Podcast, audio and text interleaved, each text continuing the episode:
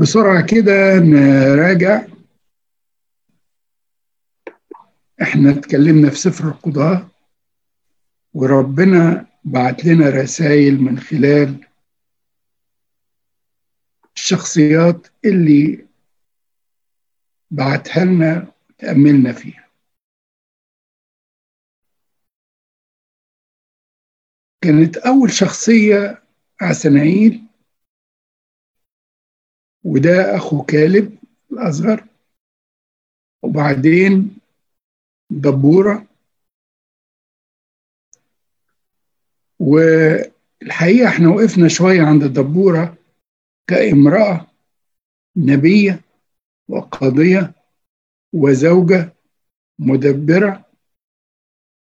نموذج للقائد والخادم اللي فعلا عنده تواضع وعنده محبة للآخرين ويقدر يطلع طاقات الخدام اللي معاه. كان مع دبورة براق والاثنين على فكرة بيعتبروا قاضي واحد. بعض الناس بيعتبروا دبورة قاضي وبراق قاضي لكن يعني البعض الآخر بيعتبر دبورة وبراق قاضي واحد. بعدين المرة اللي فاتت بنعمة ربنا اتكلمنا على جدعون وشفنا جدعون كيف ظهر الله له واستخدمه وشفنا عمل ربنا اللي تمجد في إنه يقدر يحارب المديانيين اللي كان عدد الجيش بتاعهم 135 ألف. مجهزين ومعهم معدات. وربنا قال لجدعون إحنا هننتقي من الناس اللي جايين يحاربوا من شعب إسرائيل. وفي الآخر صفيوا على 300 راجل فقط اللي هم لغوا بإيدهم أو شربوا بإيدهم وهم واقفين وده لأنهم كانوا مستعدين للجهاد والحرب. ختمنا المرة اللي فاتت بأن جدعون حكم أربعين سنة وغلط غلطة في الآخر إنه جمع ذهب وعمل إفود وتماثيل وكان له سبعين ولد من زوجاته كان متجوز كذا واحدة وله ولد واحد من سريته وهذا الولد اسمه أبي مالك.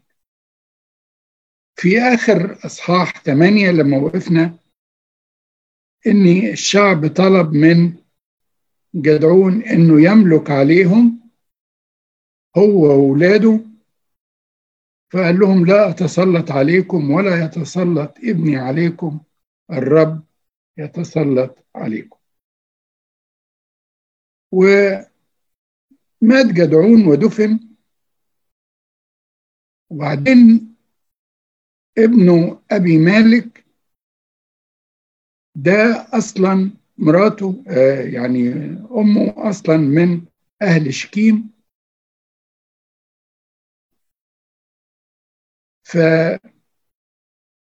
فإخواته كان فيه يعني نبذ معين له فهرب منهم أول ما أبوه مات وراح عند خلانه إخوات أمه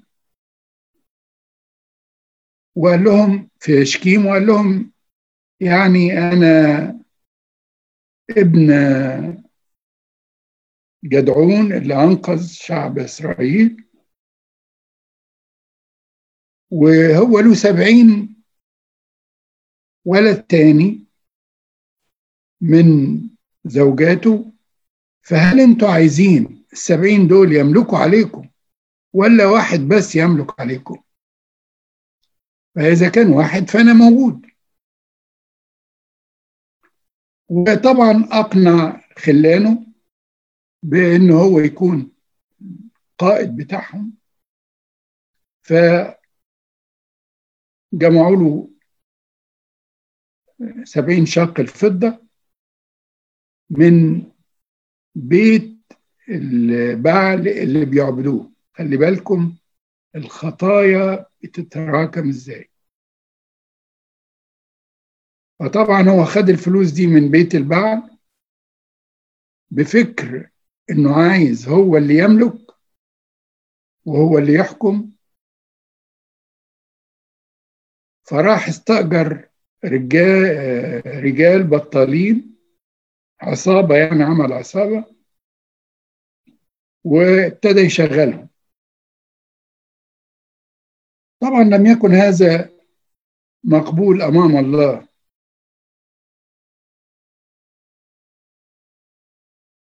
تصرفات الغيرة وتصرفات إنه كاره إخواته قادت إلى عمل شرير فراح قتل إخواته السبعين.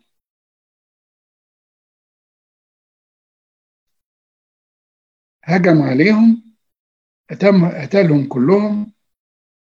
في واحد منهم اسمه يسام آه، ده هو الابن الأصغر اختبأ. فيسام وقف يحذر أهل شكيم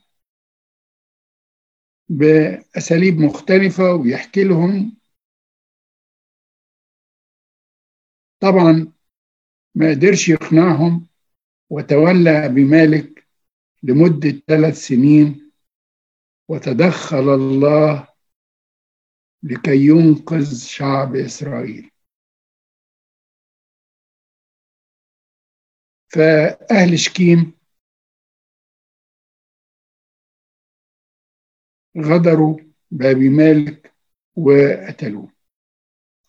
وعلى فكرة أبي مالك لا ما بيتحسبش من ضمن القضاة لأنه فعل الشر ولم يكن روح الله فيه وسلك أسلوب بعيد خالص عن ربنا. عشان كده لا يحتسب من الناس القضاة ال 12 لو بنتابع مع بعض في أصحاح عشرة بيبتدي بيجيب لنا القاضي رقم خمسة اللي هو تولع بن فواه بن دودو وده من سبط ساكر وده قضى 23 سنة. وفي عدد ثلاثة يائير الجلعادي من سبط منسى وده القاضي رقم ستة وقضى 22 سنة.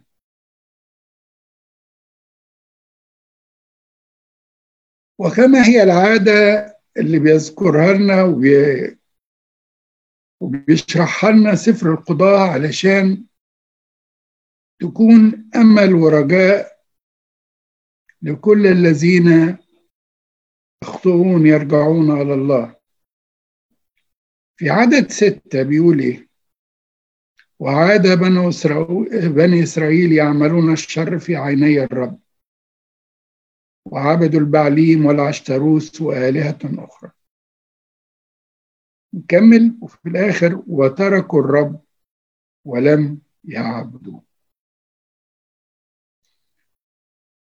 لاحظوا إني لما استراحوا عادوا للشر تاني.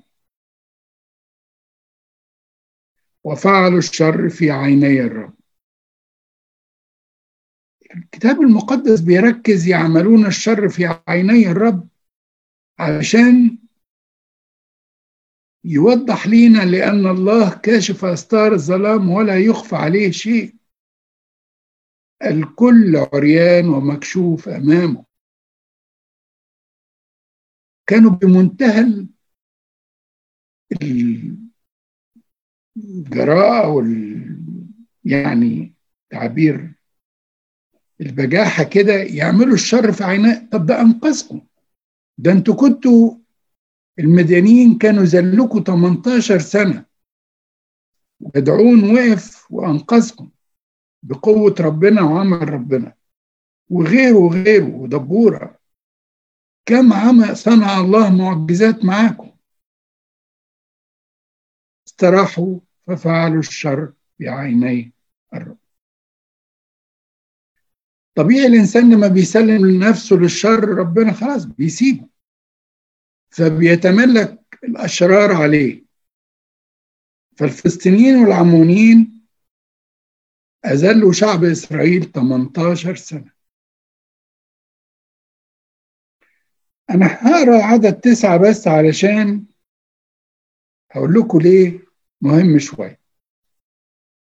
بيقول وعبر بنو عمون الأردن ليحاربوا أيضا. هيحاربوا مين بقى؟ يهوذا سبت يهوذا وبنيامين وبيت إفرايم. خلي بالكم بيت إفرايم. يعني بني عمون كانوا من جه... هيحاربوا أو مجهزين الحرب إنهم هيحاربوا إفرايم مع يهوذا وبنيامين. يعني إفرايم كان في حالة حرب مع بني عمون. كنا نشوف بعد كده إيه اللي حصل؟ إفرايم زي ما عمل مع جدعون عمل مع يفتاح. طبيعي شعب إسرائيل أول ما حصلت إن زلوهم العمونيين والفلسطينيين صرخوا لربنا.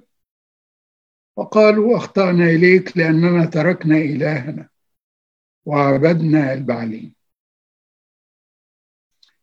كويس إن الإنسان يصرخ لربنا.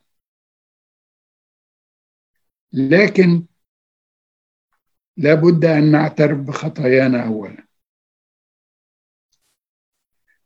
بس خلي بالكم الاعتراف وحده لا يكفي. هنشوف بعد كده ليه. وربنا قال لهم نشوف في عدد 11 بيقول لهم ربنا إيه؟ فقال الرب لبني إسرائيل أليس من المصريين والأموريين وبني عمون والفلسطينيين خلصتكم؟ والصيدونيين والعمالقة والمعونيين؟ قد ضايقوكم فصرختم إلي فخلصتكم من أيديهم. وأنتم قد تركتموني وعبدتم آلهة أخرى. لذلك لا أعود أخلصكم. امضوا واصرخوا إلى الآلهة التي اخترتموها. لتخلصكم هي في زمان ضيقكم. العتاب الرقيق اللي ربنا قاله لهم إني أنا افتكروا الاحسانات اللي أنا عملتها معاكم. افتكروا اللي أنا عملته معاكم. لكن أنتوا رجعتوا وما زلتوا بتعبدوا آلهة أخرى. خلي بالكم لما قالوا في الأول في عدد عشرة فصرخ بنو إسرائيل ما كانوش خدوا إجراء هم اعترفوا لربنا لكن ما خدوش إجراء. الإجراء جاي بقى فقال بنو إسرائيل للرب أخطأنا. فافعل بنا كل ما يحسن في عينيك إنما أنقذنا هذا اليوم. شوفوا الخطوة بقى المهمة. وأزالوا الآلهة الغريبة من وسطهم وعبدوا الرب فضاقت نفسه بسبب مشقة إسرائيل. الاعتراف كويس لكن لابد إن نزيل ونبتعد عن أسباب الخطية اللي جرتنا جرتنا لهذا الخطأ. الاعتراف يقبله الله لكن اعتراف بدون توبة وما معنى التوبة؟ يعني مش هرجع تاني. وده اللي عملوه شعب إسرائيل. وعشان كده ربنا تراءف عليهم وتحنن عليهم فضاقت نفسه بسبب مشقة إسرائيل. راجع نفسنا كلنا أرجوكم كل واحد منا. وهو رايح بيعترف. مش معنى إن أنا بحكي لأبونا وأسرد في الاعتراف إني خلاص. الله يرفع الخطية الاعتراف والتوبة. عشان كده سر الاعتراف والتوبة. بدون توبة لا تحدث مغفرة. في عدد 18 فقال الشعب رؤساء جلعاد الواحد لصاحبه أي هو الرجل الذي يبتدئ بمحاراة بني عمون فإنه يكون رأسا لجميع سكان جلعاد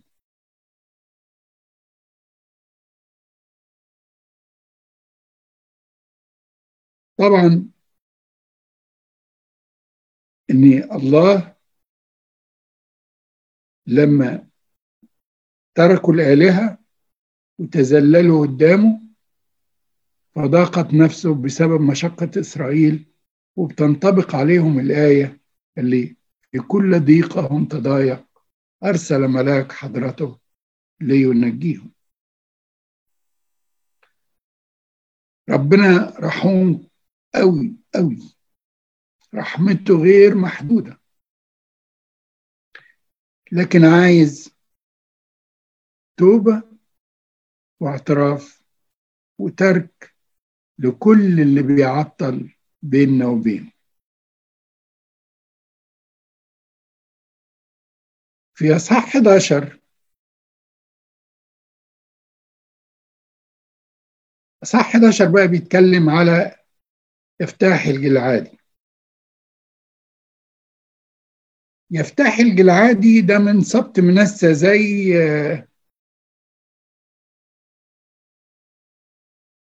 القاضي اللي إحنا قلناه من شوية يائير الجلعادي. هو من سبط منسى وأنتم عارفين سبط منسى ده طبعا. أحد أبناء يوسف. فطلع منه هو اتنين قضاة. طلع يائير وطلع يفتاح الجلعادي. ويفتاح الجلعادي بيعتبر القاضي رقم سبعة. تعالوا نقرأ كده في إصحاح 11 الأعداد الأولانية كده وكان يفتح الجلعادي جبار بأس وهو ابن امرأة زانية. وجلعاد ولد يفتح. ثم ولدت امرأة جلعاد له بنين. فلما كبر بنو المرأة طردوا يفتاح وقالوا لا لا ترث في بيت أبينا. لأنك أنت ابن امرأة أخرى. فهرب يفتاح من وجه إخوته وأقام في أرض طوب فاجتمع إلى يفتاح رجال بطلون وكانوا يخرجون معه.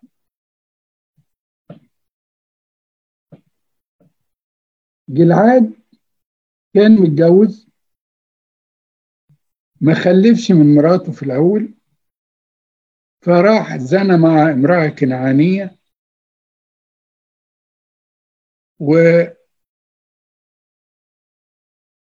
وولد يفتاح وخدوا ضمه طبعا ضمن ولاده. بعد كده لما كبر شوية يفتاح. مراته ولدت و لما كبر ولاده بقى اللي هم من مراته قالوا لا يفتح ده ما ينفعش يقعد معانا ده مش ده مش أخونا. مش أخونا شيئنا ده ابن امرأة تانية غريبة. لا يرث معنا في بيت أبينا لأنك ابن امرأة أخرى. ودي على فكرة بتعلمنا أني إذا ضاعت المحبة ضاع السلام في البيت. إذا ضاعت المحبة بين الإخوات ضاع السلام. تحصل مشاكل.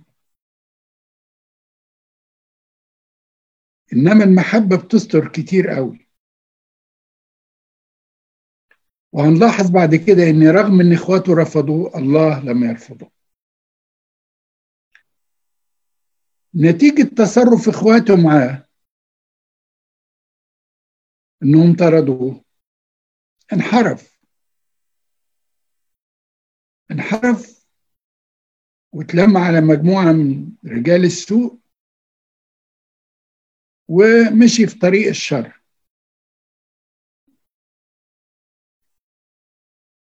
ودي نتيجة المعاملة السيئة اللي ممكن جدا يتعامل بيها ولد إنها ممكن تخلق أولاد حاقدون بيكرهوا يكرهوا الناس ويكرهوا اخواتهم ويبتدوا يعملوا علاقات شريرة. فالولد اللي ما بيلاقيش محبة من أبوه ويحتضنه الأصدقاء السوء يحتضنوه وطبعا نقعد نصرخ بعد كده ونقول إيه اللي حصل. البنت اللي ما بتلاقيش محبة في البيت وتلاقي أم بتحتضنها وأب وأم بيحوطوا عليها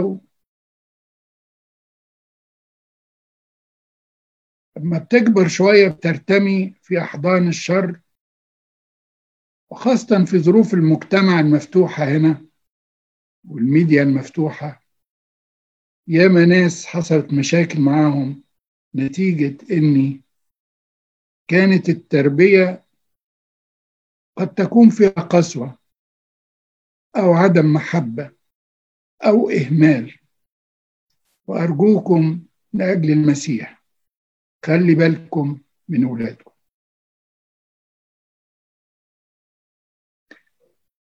الجميل في الكتاب المقدس إني لأن الله فاحص القلوب والكلى وعارف الحاضر والمستقبل. بيبتدي أصحاح 11 ويقول وكان يفتاح الجلعادي جبار بأس. كلمة جبار بأس اتقالت لمين قبل كده؟ فاكرين؟ مين؟ جدعون. جدعون. يفتح ابن المرأة الزانية اللي إخواته طردوه.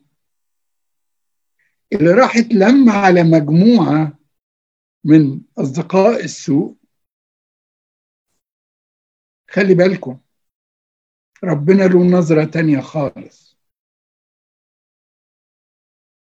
إخواته شافوه إن هو لا يرث معهم لأنه ابن امرأة غريبة. لكن ربنا شايف فيه وهنشوف بعد كده الحاجات الحلوة اللي كانت فيه يفتح الجلعادي دي اللي خلت فعلا ربنا يتمسك بيه ويعتبر رجل من أبطال الإيمان وبولس الرسول بيذكره في عبرانيين 11 ضمن أبطال الإيمان مفتاح ترجعوا لعبرانيين 11 يذكر جدعون يذكر براق يذكر يفتاح. طبعا أنا قلت لكم إنه ما ذكرش الدبوره عشان ما تزعلوش يعني. ولسه ما جاتنيش إجابة على فكرة.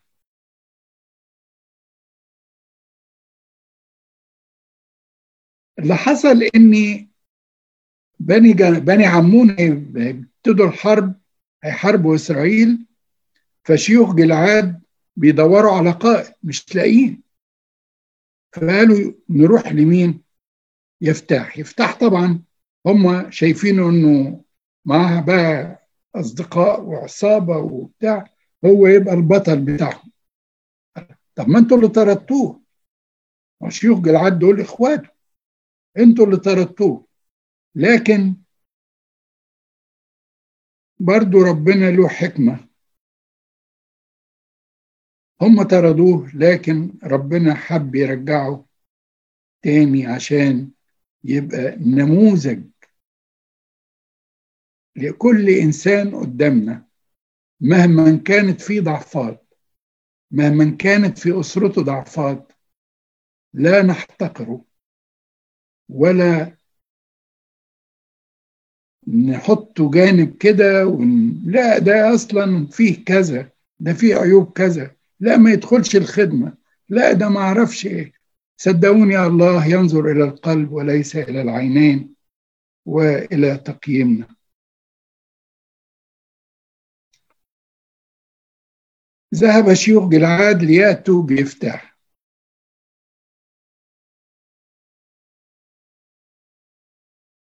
فقال يفتح لشيوخ جلعاد في عدد تسعة إذا أرجعتموني لمحاربة بني عمون.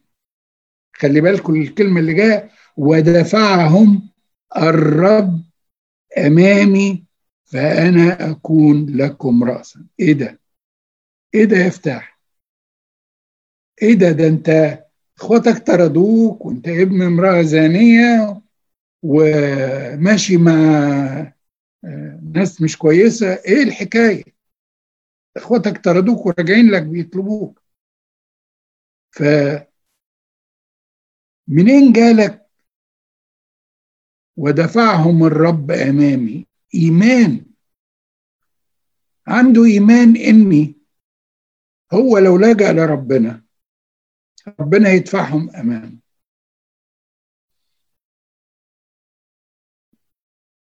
وواثق تماما ان مش بمجهوده هينتصر لكن بقوة ربنا وعمل ربنا. دفعهم الرب أمامي.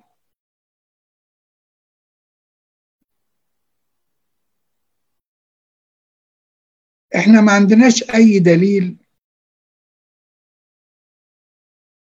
عن الإيمان اللي عندي يفتح ده جاله منين. لأن أمه كنعانية. قد يكون من أبيه. لأن هنشوف بعد كده حاجات ذكرها يفتح لا يمكن أبدا. واحد طردوه إخواته وماشي مع بطالين وي وي إنه يعرف هذا الكلام.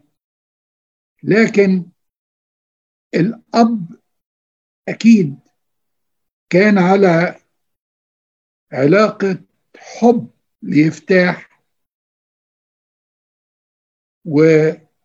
ولقنوا دروس الإيمان وكم صنع الله بشعب إسرائيل من معجزات وانتصارات. في عدد 11 بعد ما شيوخ جلعاد راحوا وقالوا جلعاد يفتاح تعالى ارجع وحارب بني عمون فقالوا له آه إحنا موافقين. فقال شيوخ العاد ليفتح الرب يكون سامعا بيننا إن كنا لا نفعل هكذا حسب كلامه. اقروا كده عدد 11 مع بعض. فذهب يفتح مع شيوخ جلعاد وجعله الشعب عليهم رئيسا وقائدا. وبعدين كملوا كده الآية. فتكلم يفتاح بجميع كلامه أمام الرب في المصفى. إيه ده؟ إيه الجمال ده؟ إيه التغير اللي حصل ده؟ من عصابات وناس سوء. خلاص اتجه إلى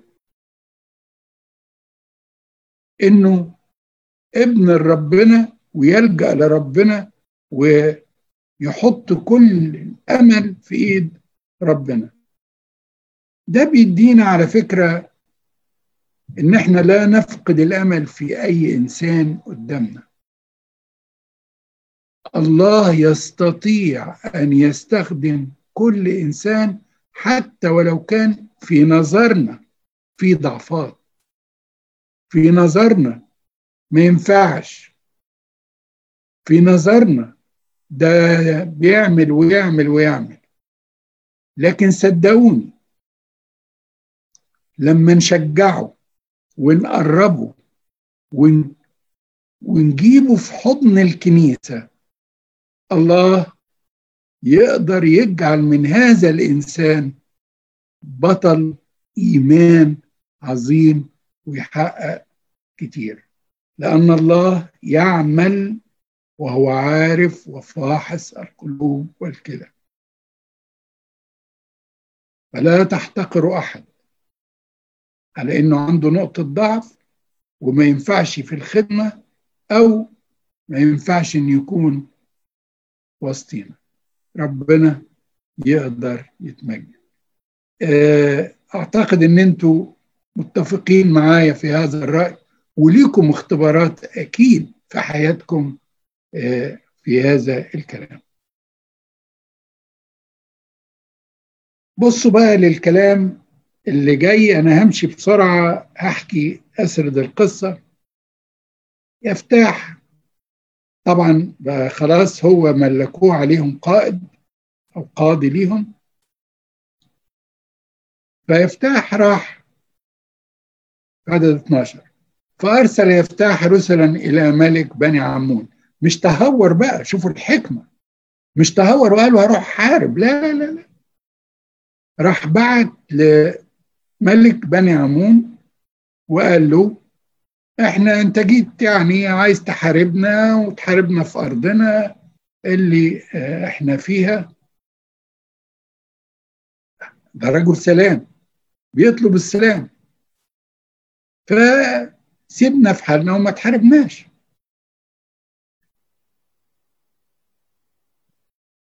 فملك بني عمون رد عليه قال له لا ده أنتوا خدتوا الأرض بتاعتنا. أنتوا خدتوا الأرض بتاعتنا والأرض اللي أنتوا عليها دي دي أرضنا وإحنا بنملكها. يفتح رد عليه تاني وقال له حكى له بقى القصة وأنا مش هحكي القصة طبعا عشان الوقت لأن وقتنا محدود. حكى له القصة بتاعه إن شعب إسرائيل لما جم هي يعدوا عندكم فربنا قال لهم لا ما تعدوش في الأرض دي ولفوا حواليهم ولفنا حواليهم والقصة بقى وحاربوا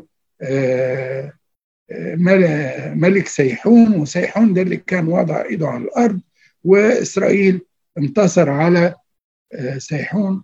فبيقول له في عدد 21 بيقول له إيه؟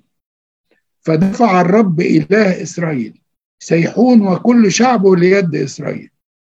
فضربتهم فضربتهم فضربتهم وامتلك إسرائيل كل أرض الأموريين سكان تلك الأرض. بعدين بيقول له إيه؟ والآن الرب إله إسرائيل قد طرد الأموريين من أمام شعب إسرائيل. أفأنت تمتلكه في عدد 24 يفتح بيقول كلمة كده يعني لطيفة أوي. أليس ما يملكك إياه كموشر إلهك تمتلك؟ فيفتح بيقول لملك بني عمون التمثال بتاعك أو البعل اللي أنت بتعبده اللي هو كموشر ده لو ملكك حاجة مش تمتلكها؟ طبعا الإجابة آه. فقال له وإحنا ربنا إلهنا ملكنا الأرض وجميع الذين طردهم الرب إلهنا من أمامنا فإياهم نمتلك. عرفت منين الكلام ده كله يا يفتح درست منين الكلام ده كله عن عمل الله مع شعب إسرائيل؟ شفتوا؟ يفتح ابن المرأة المنبوذة اللي طردوه اخواته اللي مشي مع الأشرار وانحرف نتيجة أبوه ونتيجة إخواته طردوه. رجل سلام دارس عارف يتكلم ثقوا تماما أن الله يستخدم الضعفاء اللي في عينينا إحنا فيهم نقائص و بنبص لهم على إني لا يصلحوا للعمل. أحبائي ترأفوا بالضعفاء. اجذبوا كل إنسان وحبوه. اكسبوا للمسيح شخص ما تطفشوش الناس. ما تدينو ما تطفشوش الناس بالإدانة. الله له حب وبيستخدم كل نفس حطوا أنتوا بس الناس قدام ربنا وربنا هو آه، يستخدم. طبعا يفتح آه، ملك آه، عمون ما سمعش الكلام فيفتح دعا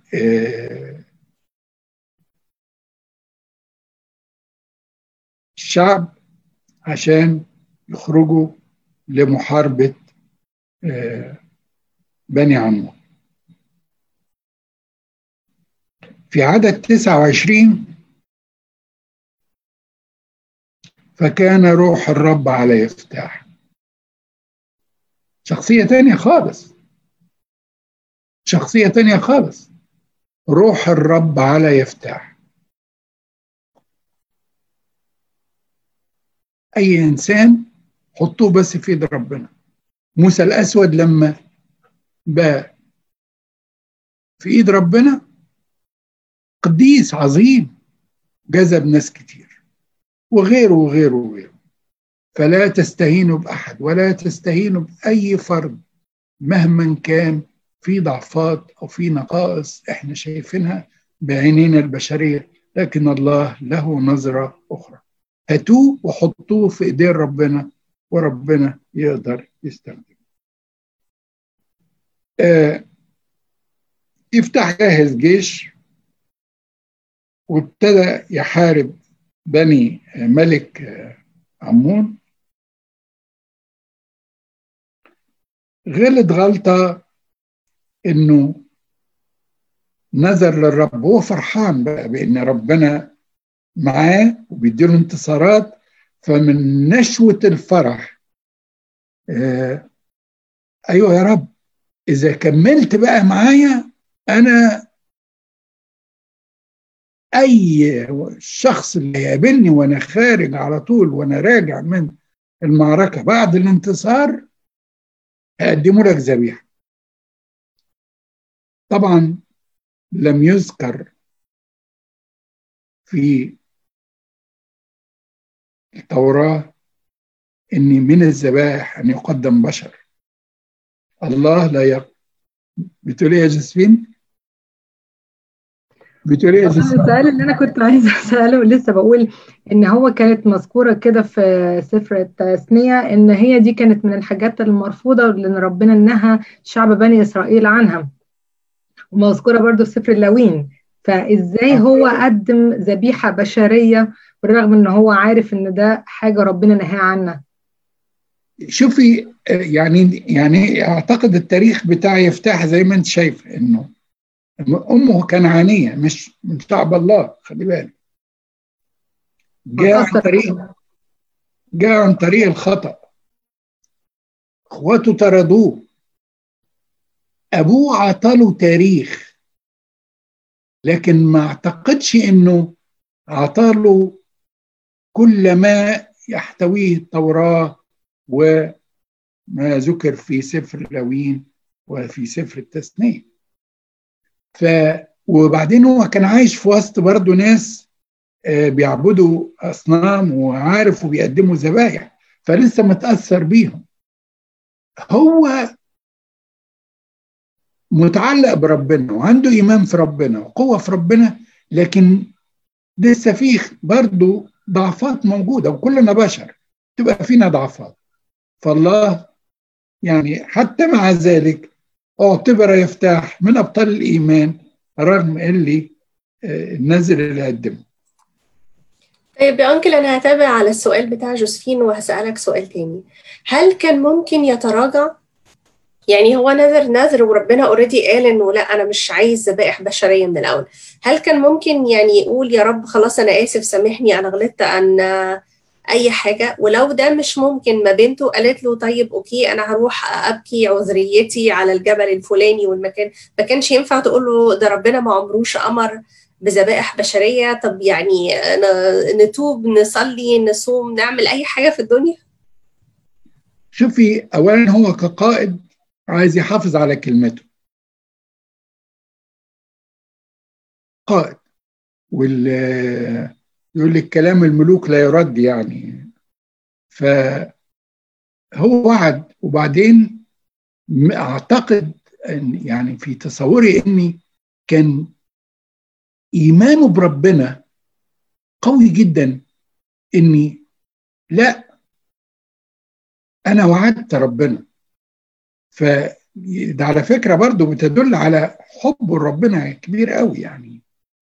هو طبعا الشخصية اللي قدمت ابنها ذبيحة وربنا أنقذها طبعا أنتوا عارفين إبراهيم لما قدم إسحاق وربنا ما قبلش هذه الذبيحة.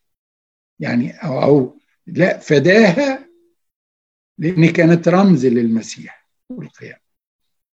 وزي ما جوزفين قالت لنا إن في لاويين تثنيه ذبيحه الأشخاص لا غير مقبولة أمام الله لكن هو كان كان حقيقي كان أمام صراع دي بنته. لكن بنته ولا ربنا اللي أنقذه وأعطاه النصر واللي وعده فقال ربنا. وقد كان ونفذ الوعد بتاعه وأنتوا طبعا لما تقروا هتعرفوا إن بنته طلبت آه إنها تاخد شهرين وتبكي عذريتها ونفذ فيها النذر بتاعه. ودي برضو بتدينا إن إحنا لما ننذر حاجة لربنا ننذر على قد إمكانياتنا ونكون حريصين جدا في النذور بتاعتنا. لكن أنا ببص على يفتح على الشخصية اللي قدامنا. لا تحتقروا أحد. لأجل ضعفات فيه. بل قدموا كل إنسان في أيدي في يد الله والله يستخدمه. ادعوا كل واحد. ما تقولش ده منوش فايدة. ده ابن ما أعرفش كذا ده عامل كذا ده كذا. لا.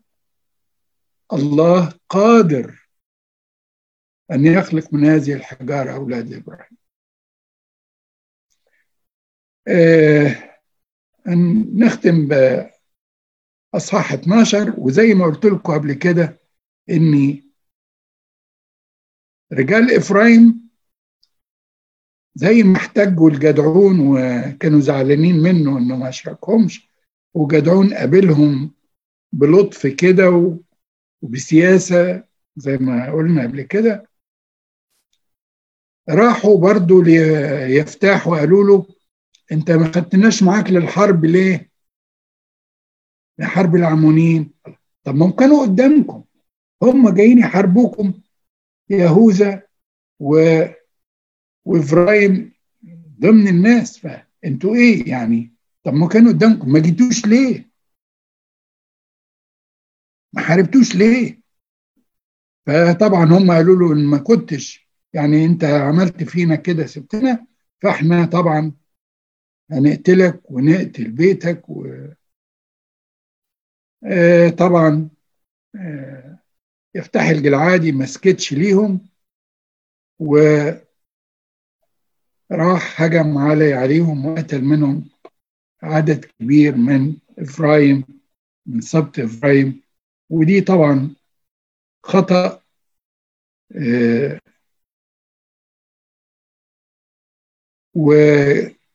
واستولى على أرضهم. وأنتوا عارفين طبعا القصة بقى اللي هي بتاعت اللي يعدي من آه من عنده آه ويقول كلمة كذا لغتك تظهرك وانتوا عارفين القصة لو قرأتوها في الكتاب قصة ظريفة يعني. وقضى يفتح لإسرائيل ست سنين القاضي رقم ثمانية إبصان وله أخطائه إنه زوج بناته. زوج أولاده بنات من خارج إسرائيل. رغم إن ده كان ممنوع. وإبصان قضى لشعب إسرائيل سبع سنين. القاضي رقم تسعة إيلون الزبولوني وده قضى عشر سنين. القاضي رقم عشرة عبدون ابن هليل. الفرعتوني وقضى ثمان سنوات ولإلهنا كل مجد إلى الأبد. آمين.